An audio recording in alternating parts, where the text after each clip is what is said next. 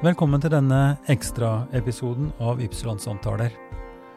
Opptaket ble gjort i Fjell kirke søndag den 7. mars, da Arsan de Vitre var gjest i dialoggudstjenesten, som vi har eh, tre ganger i semesteret ca. Arsan er også en fin sanger, og hun starta eh, med å synge Ole Paus sin vakre 'Det begynner å ligne et liv', før vi hadde samtalen. God fornøyelse.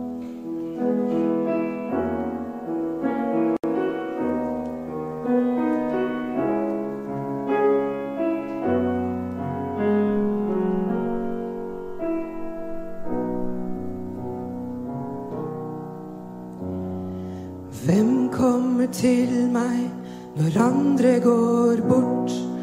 Hvem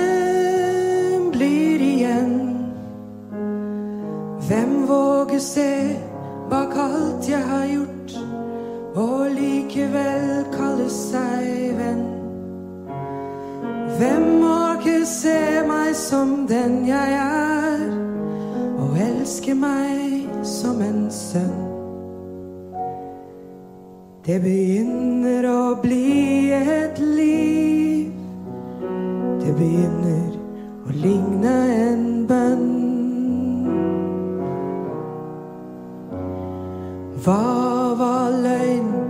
Hva var sant? Hvem kan gi svar? Jeg ble en tyv. Jeg tok det jeg fant, og gikk før de så hvem jeg var. Jeg gjemte det jeg stjal i hjertets svarteste, dypeste brønn. Det begynner å bli et liv. Det begynner å ligne en bønn. Hvem venter på meg? Hvem viser vei? Hvem kan gjøre meg hel? Alt jeg gjemte fra hjemsøker meg som en hjemlengsel i min sjel. Jeg ser hvert tåre, hvert blikk, hvert smil, hver latter, vårt rop og hvert stønn. Det begynner å bli et liv. Det begynner å ligne en bønn.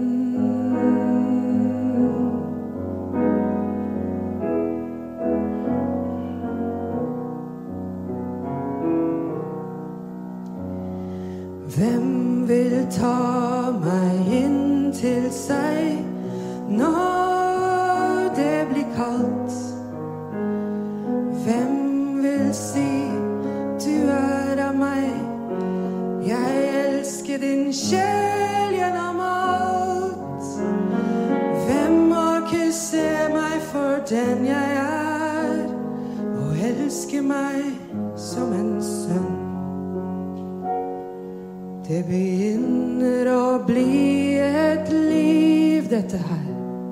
Det begynner å ligne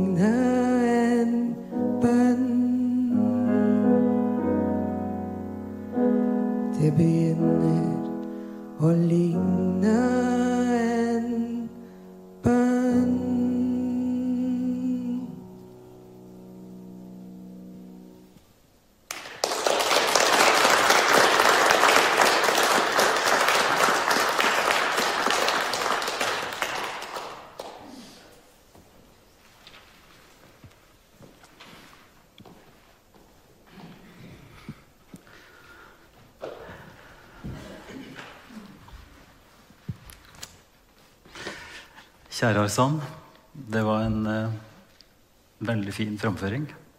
Tusen takk, Ivar. Det er ikke sikkert alle vet hvor den Eller husker, kanskje. Jeg tror de fleste har hørt den. Den gjør veldig inntrykk, gjør den ikke det? Så jeg tror de fleste har hørt den, men hvor kommer den fra? um, den kom til meg som en gave fra en veldig nær venn. Eh, I en tid hvor jeg tror han skjønte jeg trengte det. Så det bare kom. Um, for meg handler sangen om aksept, blant annet. Altså i en tid hvor jeg Eller mitt jeg, jeg ser på livet som en bønn, sånn som det står i sangen. Og av og til så mister man troen, og da er det greit å bli minnet på at selve livet er en bønn, og at det er en sånn Du er elsket uansett.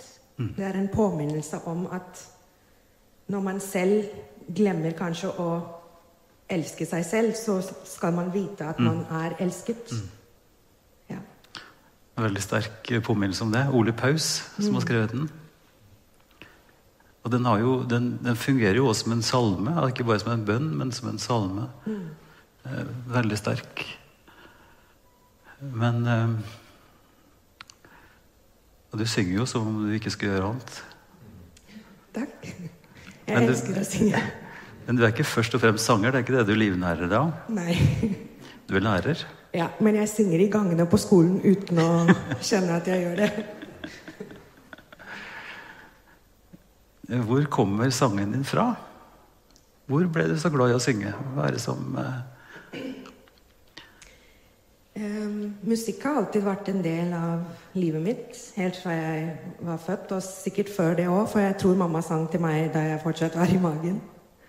Så for meg er også musikk en bønn, eller en Det er uh, Musikk har alltid vært en del av livet mitt og er veldig viktig for meg. Ehm, jeg husker lange bilturer hvor pappa spilte alt mulig. Noe som jeg syntes var veldig rart òg. Sånn improvisert jazz, for eksempel, hadde jeg ikke noe sans for i begynnelsen. Men etter hvert Nå elsker jeg jazzmusikk, så, så det var veldig godt å bli eksponert for veldig mye forskjellig eh, i musikkveien. Og så lærte jeg piano som barn. Og etter hvert så lærte jeg å spille trommer, eller en indisk tromme. Så det er alltid Og så har jeg sunget i kor i mange år. eh, også her i Drammen. Ja. Du må nesten si litt om hvor den barndommen din foregikk. Og hva slags, og du lærte indisk tromme, så var jo det også i India. ikke Hvordan sant? barndommen Ja, altså hvor du har din barndom fra. Eh, Jeg er født og oppvokst i India, i Bombay, på vestkysten. Og det er der jeg har tilbrakt eh, hele Eller eh, store deler av livet mitt til jeg flytta i en alder av 20. Ja.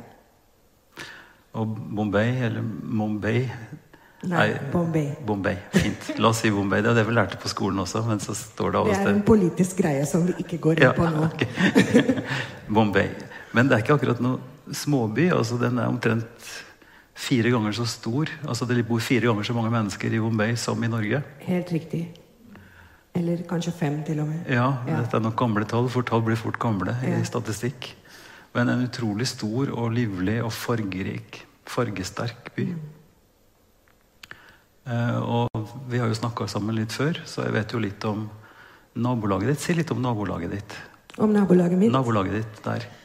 Um, jeg vokste opp i en, uh, det stedet hvor mamma har bodd siden hun var 11 år, faktisk.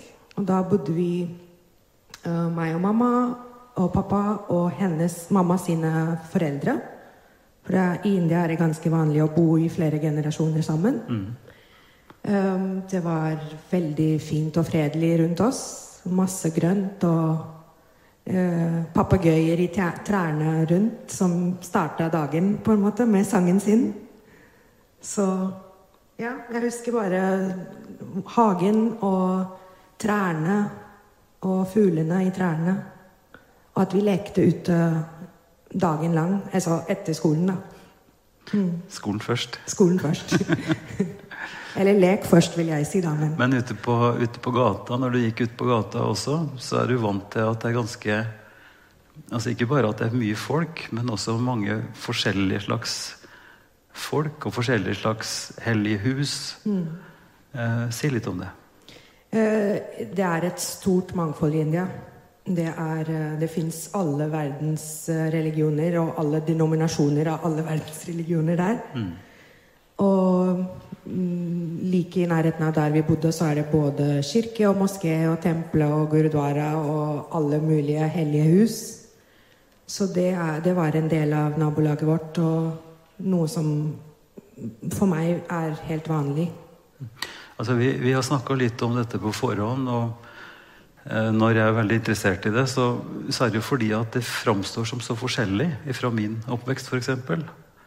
Eh, hvor kirka var der, og bedehuset, og hvor det til og med kunne være litt konflikt mellom kirke og bedehus innenfor en liten del av den lutherske kristendommen.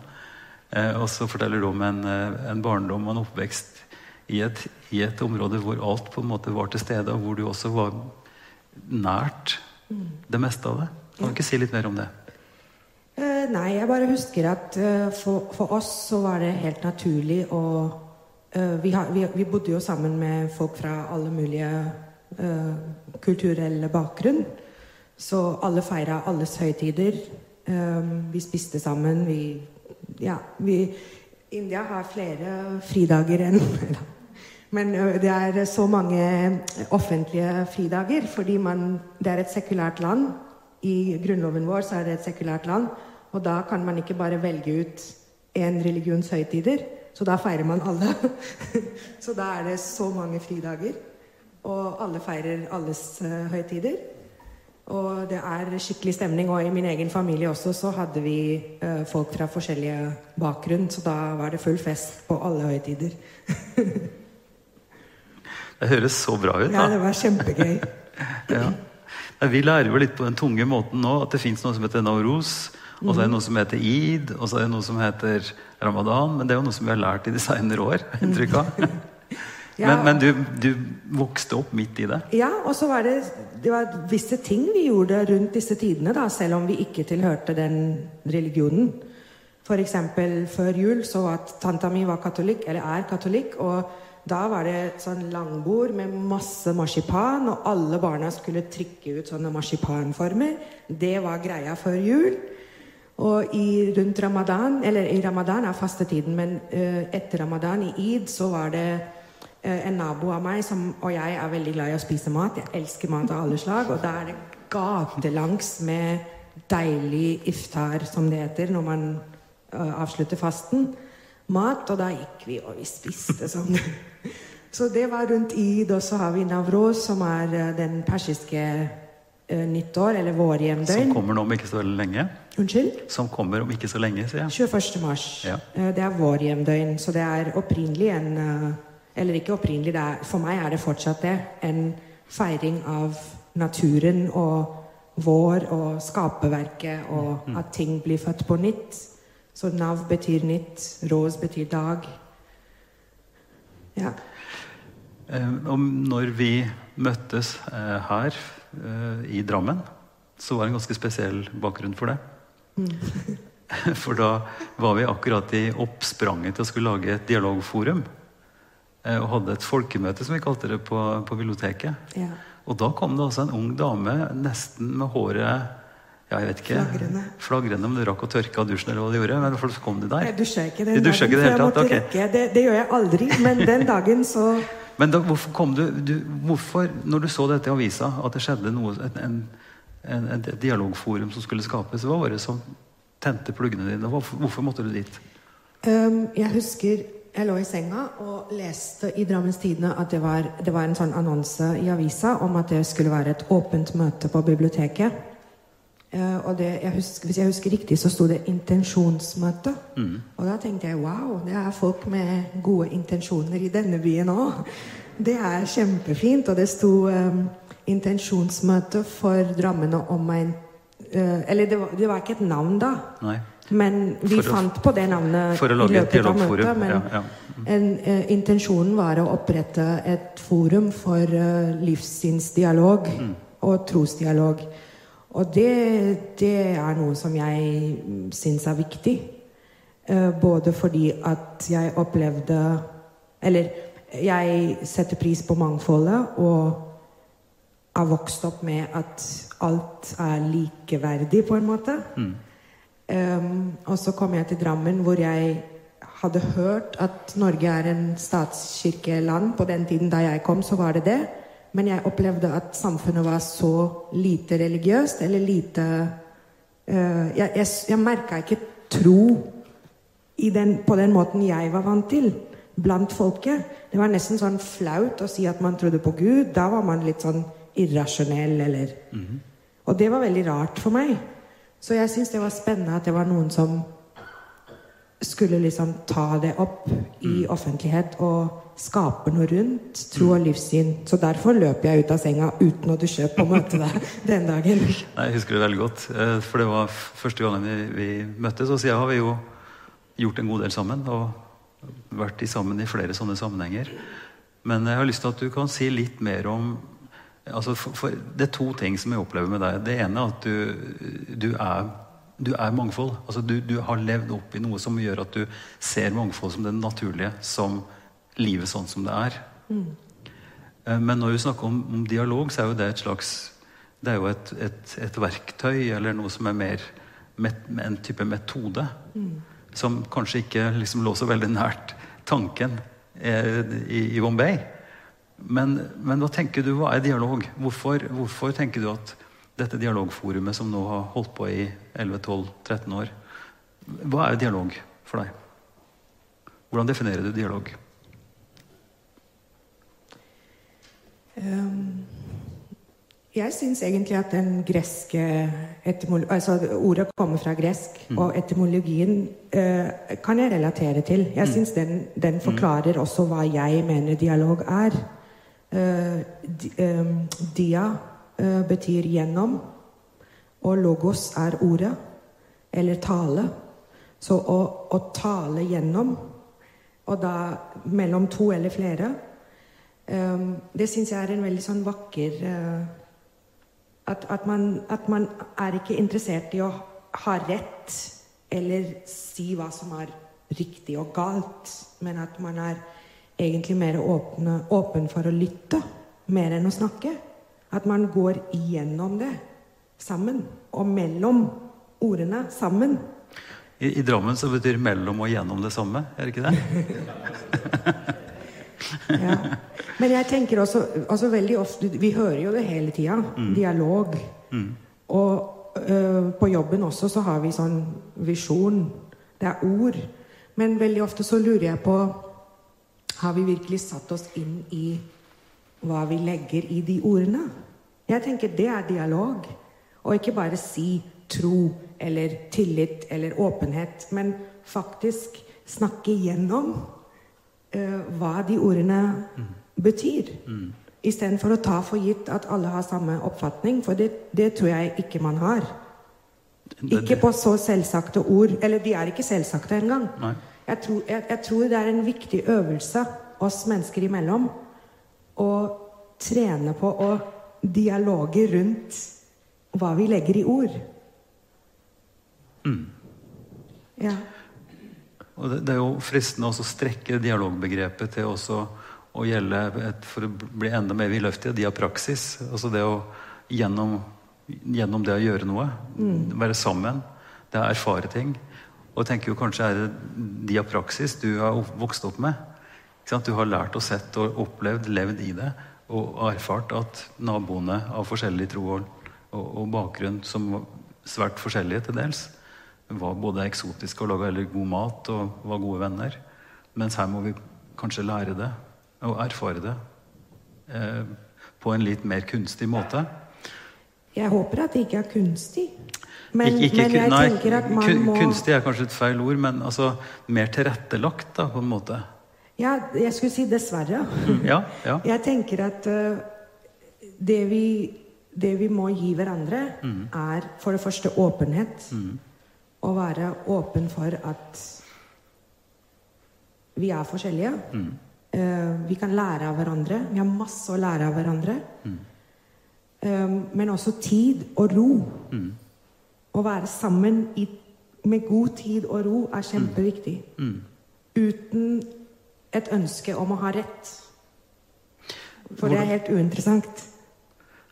Hvordan opplever du det som lærer på det som før het introduksjonssenteret, men nå heter det vel noe litt annet? Nå heter det Drammen, uh, Drammen voksenopplæring. Drammen voksenopplæring. Mm. Men saken er jo den samme. Det er et sted hvor folk som kommer nye eh, til vår kommune, til vår by, får hjelp til å både lære språk og skjønne samfunnet. Mm. Med veldig forskjellig bakgrunn. Ja. Hvordan funker dialogen der? Det er helt avgjørende. At man Jeg kan bare snakke for meg selv. da. I min praksis så er det helt avgjørende for meg som lærer å se uh, hvert enkelt elev. Og da klare Det er ikke alltid jeg klarer det, for jeg er bare et menneske. Men å, å klare å legge bak meg alle de forestillingene jeg har om et land eller en kultur. For det er ikke noe vits i å generalisere at de som kommer fra det landet, er sånn eller sånn. Så det å møte mennesket menneske med et åpent syn og øh, også for meg et tillit til at øh, vi ønsker det beste for hverandre. I utgangspunktet, da, før det motsatte er bevisst, så er det et sånt viktig øh, verdi for meg. Rett og slett i mitt læreryrke. At vi ønsker det beste, alle sammen. Alle sammen ønsker å, å bli elsket og elske og kjenne trygghet og føle seg en del av en tilhørighet. Og, Da er vi tilbake igjen i sangen, er vi ikke det? Ole, Ja, Ole Paus sin tekst. absolutt. Ikke sant? Fordi vi gjør feil. Vi feilvurderer og tenker feil, kanskje. Tror Mm. feil om hverandre. Men allikevel så fins det noe større som, Det er nettopp det. som, som Så det, bærer. de små tingene mennesker imellom er egentlig ganske uviktige. Og vi sitter jo nå i et rom som, som er bygd til den hensikt. Å være åpent. Eh, Arkitekturen i dette huset eh, er laga sånn at det skal være minst mulig terskler, kanskje ingen. Eh, og et åpent rom som samler folk. Eh, hvorfor finner du veien hit en gang imellom? Jeg finner veien hit så ofte jeg kan. Jeg har til og med skrevet til Brake og sagt at de må sette opp buss hit på søndager. Fordi det var ikke det før. Nå er det det. For jeg bor på åssiden, ikke på fjell. Men um, det vil jeg si til de fleste av dere som sitter her, og sikkert noen som ser på livesendingen også, har jeg møtt flere ganger i kirka. Og jeg vil bare si takk til alle dere som har tatt meg imot med så åpne armer. Um, ikke spurt noen sånne pressende spørsmål, men bare tatt meg imot. Og grunnen til at jeg kommer til Fjellkirke, er fordi at jeg føler meg hjemme her, rett og slett. Og at det, det dere snakker om, og som en del av deres visjon, å være et åpen kirke med rom for alle.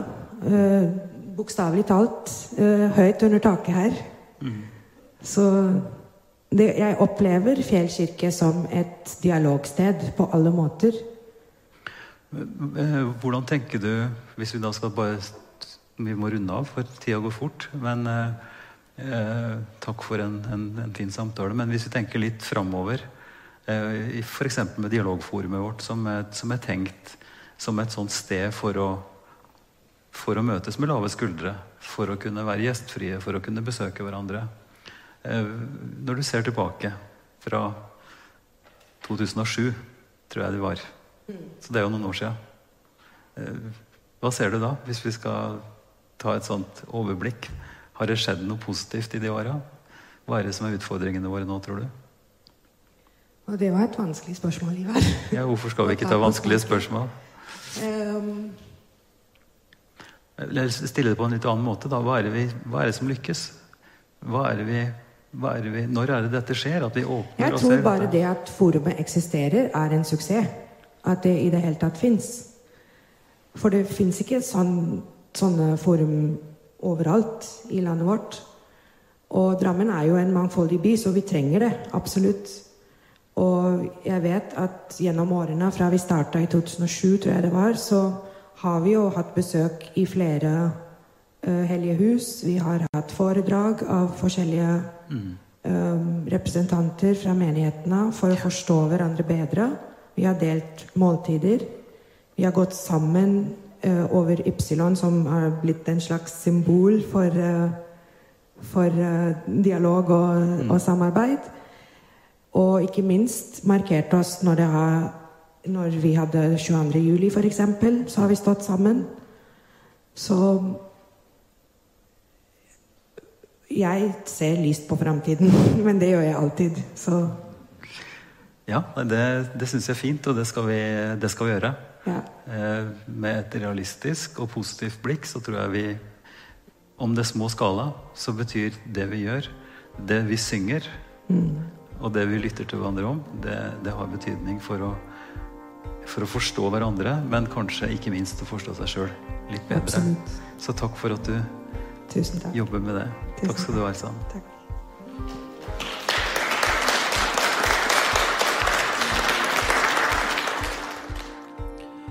Takk for at du lyttet til Ypsilon-samtaler og denne ekstraepisoden.